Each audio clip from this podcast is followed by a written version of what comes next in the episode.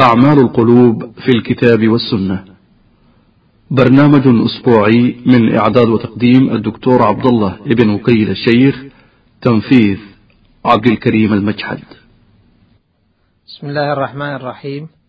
الحمد لله رب العالمين والصلاة والسلام على أشرف الأنبياء والمرسلين نبينا محمد وعلى آله وصحبه أجمعين. أيها الإخوة المستمعون السلام عليكم ورحمة الله وبركاته. وبعد فلا زلنا نتابع الحديث عن أثر الجوارح على القلب إذ القلب مرسل ومستقبل يؤثر في الجوارح ويتأثر بها.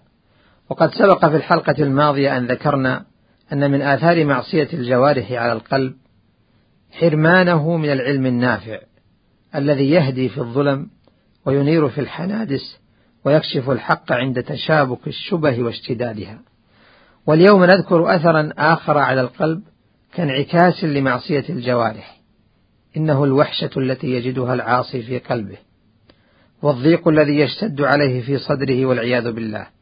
وهي وحشة لو اجتمعت لصاحبها ملذات الدنيا كلها. لو اجتمعت لصاحبها ملذات الدنيا كلها لم تذهبها. ذلك أن ملذات الدنيا تلبي مطالب الجسد وتسد فراغ الشهوات الظاهرة. ولكن للقلب من اللذة والسرور ما لا يجده في تلك, في تلك الشهوات المادية.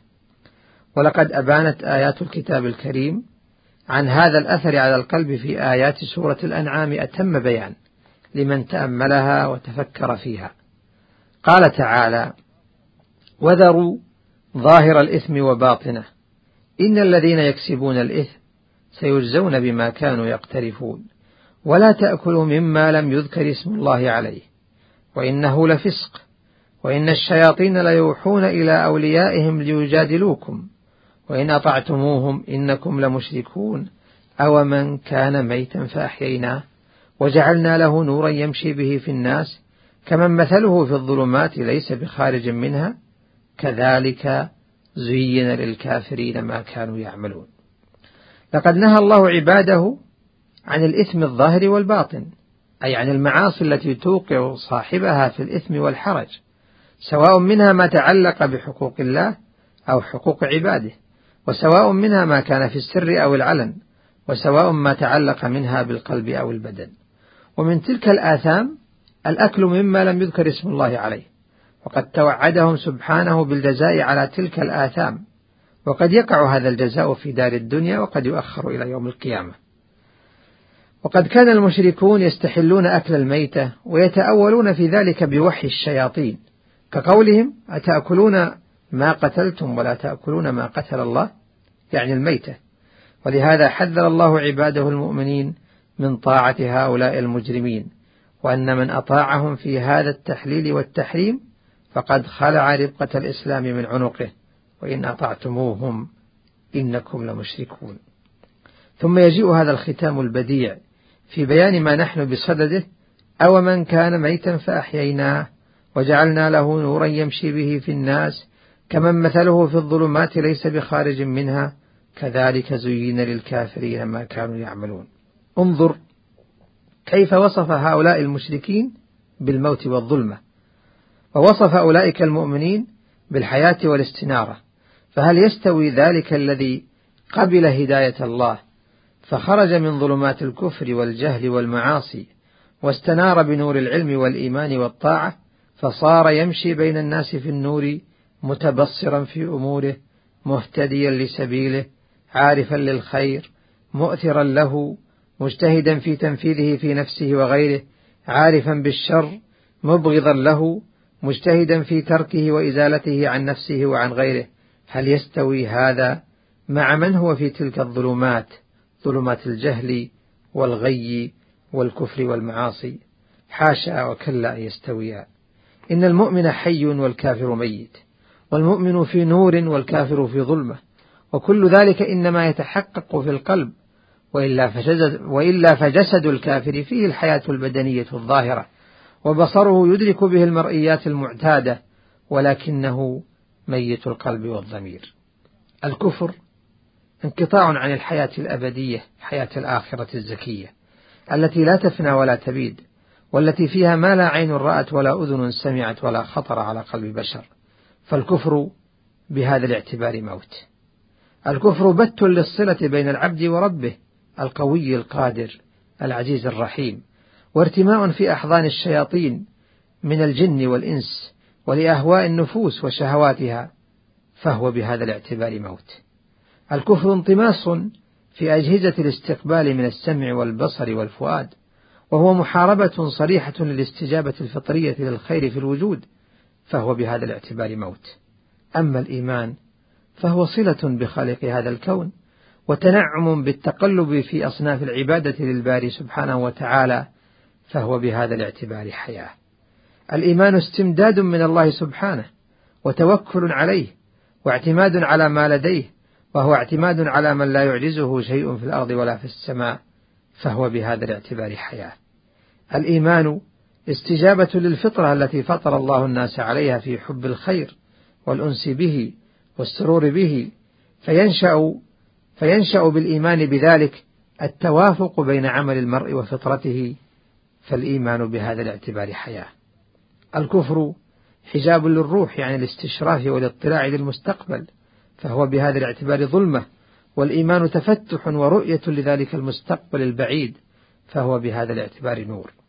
الكفر انكماش وتحجر وضيق أفق وتقصير لمدى الرؤية فهو ظلمة في ظلمة والإيمان انشراح وطمأنينة وظل ممدود فهو بهذا الاعتبار نور. هكذا تبدو لنا الصلة واضحة بين معاصي هؤلاء الكفار وما في قلوبهم من الموت والظلمة بينما يعيش أتباع الحق والإيمان في الحياة الحقيقية ويستنير يعيش أتباع الحق في الحياة الحقيقية ويستنيرون بالنور الباهر ويستلذون بالجمال الظاهر. ونعود إلى سياق الآيات لندرك صلة أخرى بين الأعمال والقلوب في قوله تعالى: وكذلك جعلنا في كل قرية أكابر مجرميها ليمكروا فيها. وما يمكرون إلا بأنفسهم وما يشعرون. وإذا جاءتهم آية قالوا لن نؤمن حتى نؤتى مثل ما أوتي رسل الله. الله أعلم حيث يجعل رسالته. سيصيب الذين أجرموا صغار عند الله وعذاب شديد بما كانوا يمكرون. فمن يرد الله أن يهديه يشرح صدره للإسلام. ومن يرد أن يضله يجعل صدره ضيقا حرجا كأنما يصعد في السماء كذلك يجعل الله الرجس على الذين لا يؤمنون. فيذكر الله عز وجل سنته الجارية في وجود نفر من أكابر المجرمين في كل قرية. ينتدبون أنفسهم للمكر والخديعة والدعوة إلى سبل الشيطان ومحاربة الرسل أتباعهم بالقول والفعل وهم في هذا مغفلون في غاية التغفيل. لأنهم لو عقلوا لعلموا أن هذا المكر وتلك الخديعة إنما تحيق بهم أولا وما يمكرون إلا بأنفسهم وما يشعرون. ومن مكرهم وتضليلهم مقولتهم لن نؤمن حتى نؤتى مثل ما أوتي رسول الله. فهم يعترضون على اختصاص النبوة والرسالة بأولئك الذين اصطفاهم الله من خلقه فجعلهم رسلا وأنبياء. ولكنه الجهل الفاضح. من أولئك المعترضين لأن اختيار الله للرسل مبني على علم وحكمة كاملة من العليم الخبير وليس اختيار الكفء لمهمة هو لها وحرمانها ممن ليس متأهلا لها مما يعاب أو يعترض عليه.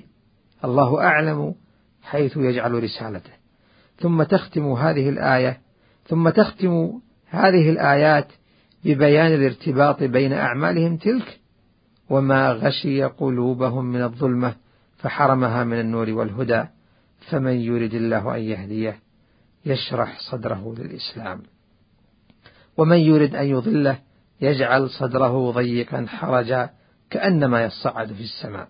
فمن يقدر الله له الهداية وفق سنته الجارية من هداية من يرغب في الهدى ويتجه إليه بالقدر المعطى له من الاختيار يشرح الله صدره للإسلام فيتسع له ويستقبله في يسر ورغبة ويتفاعل معه ويطمئن إليه بل ويتلذذ به غاية التلذذ. ومن يقدر الله له الضلال وفق سنته الجارية من إضلال من يرغب عن الهدى ويغلق فطرته عنه يجعل صدره ضيقا حرجا. فهو مغلق مطموس يجد العسر والمشقة في قبول الإسلام كالذي يتكلف الصعود إلى السماء ولا يستطيعه. وإنما ضاق قلبه عن قبول الهدى لما اقترفت يداه وجوارحه من أعمال السيئات. نسأل الله شرح الصدر لدينه واللذة بعبادته والأنس بطاعته. وإلى اللقاء. والسلام عليكم ورحمة الله وبركاته.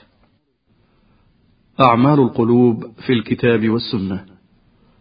برنامج أسبوعي من إعداد وتقديم الدكتور عبد الله ابن وقيل الشيخ تنفيذ عبد الكريم المجحد.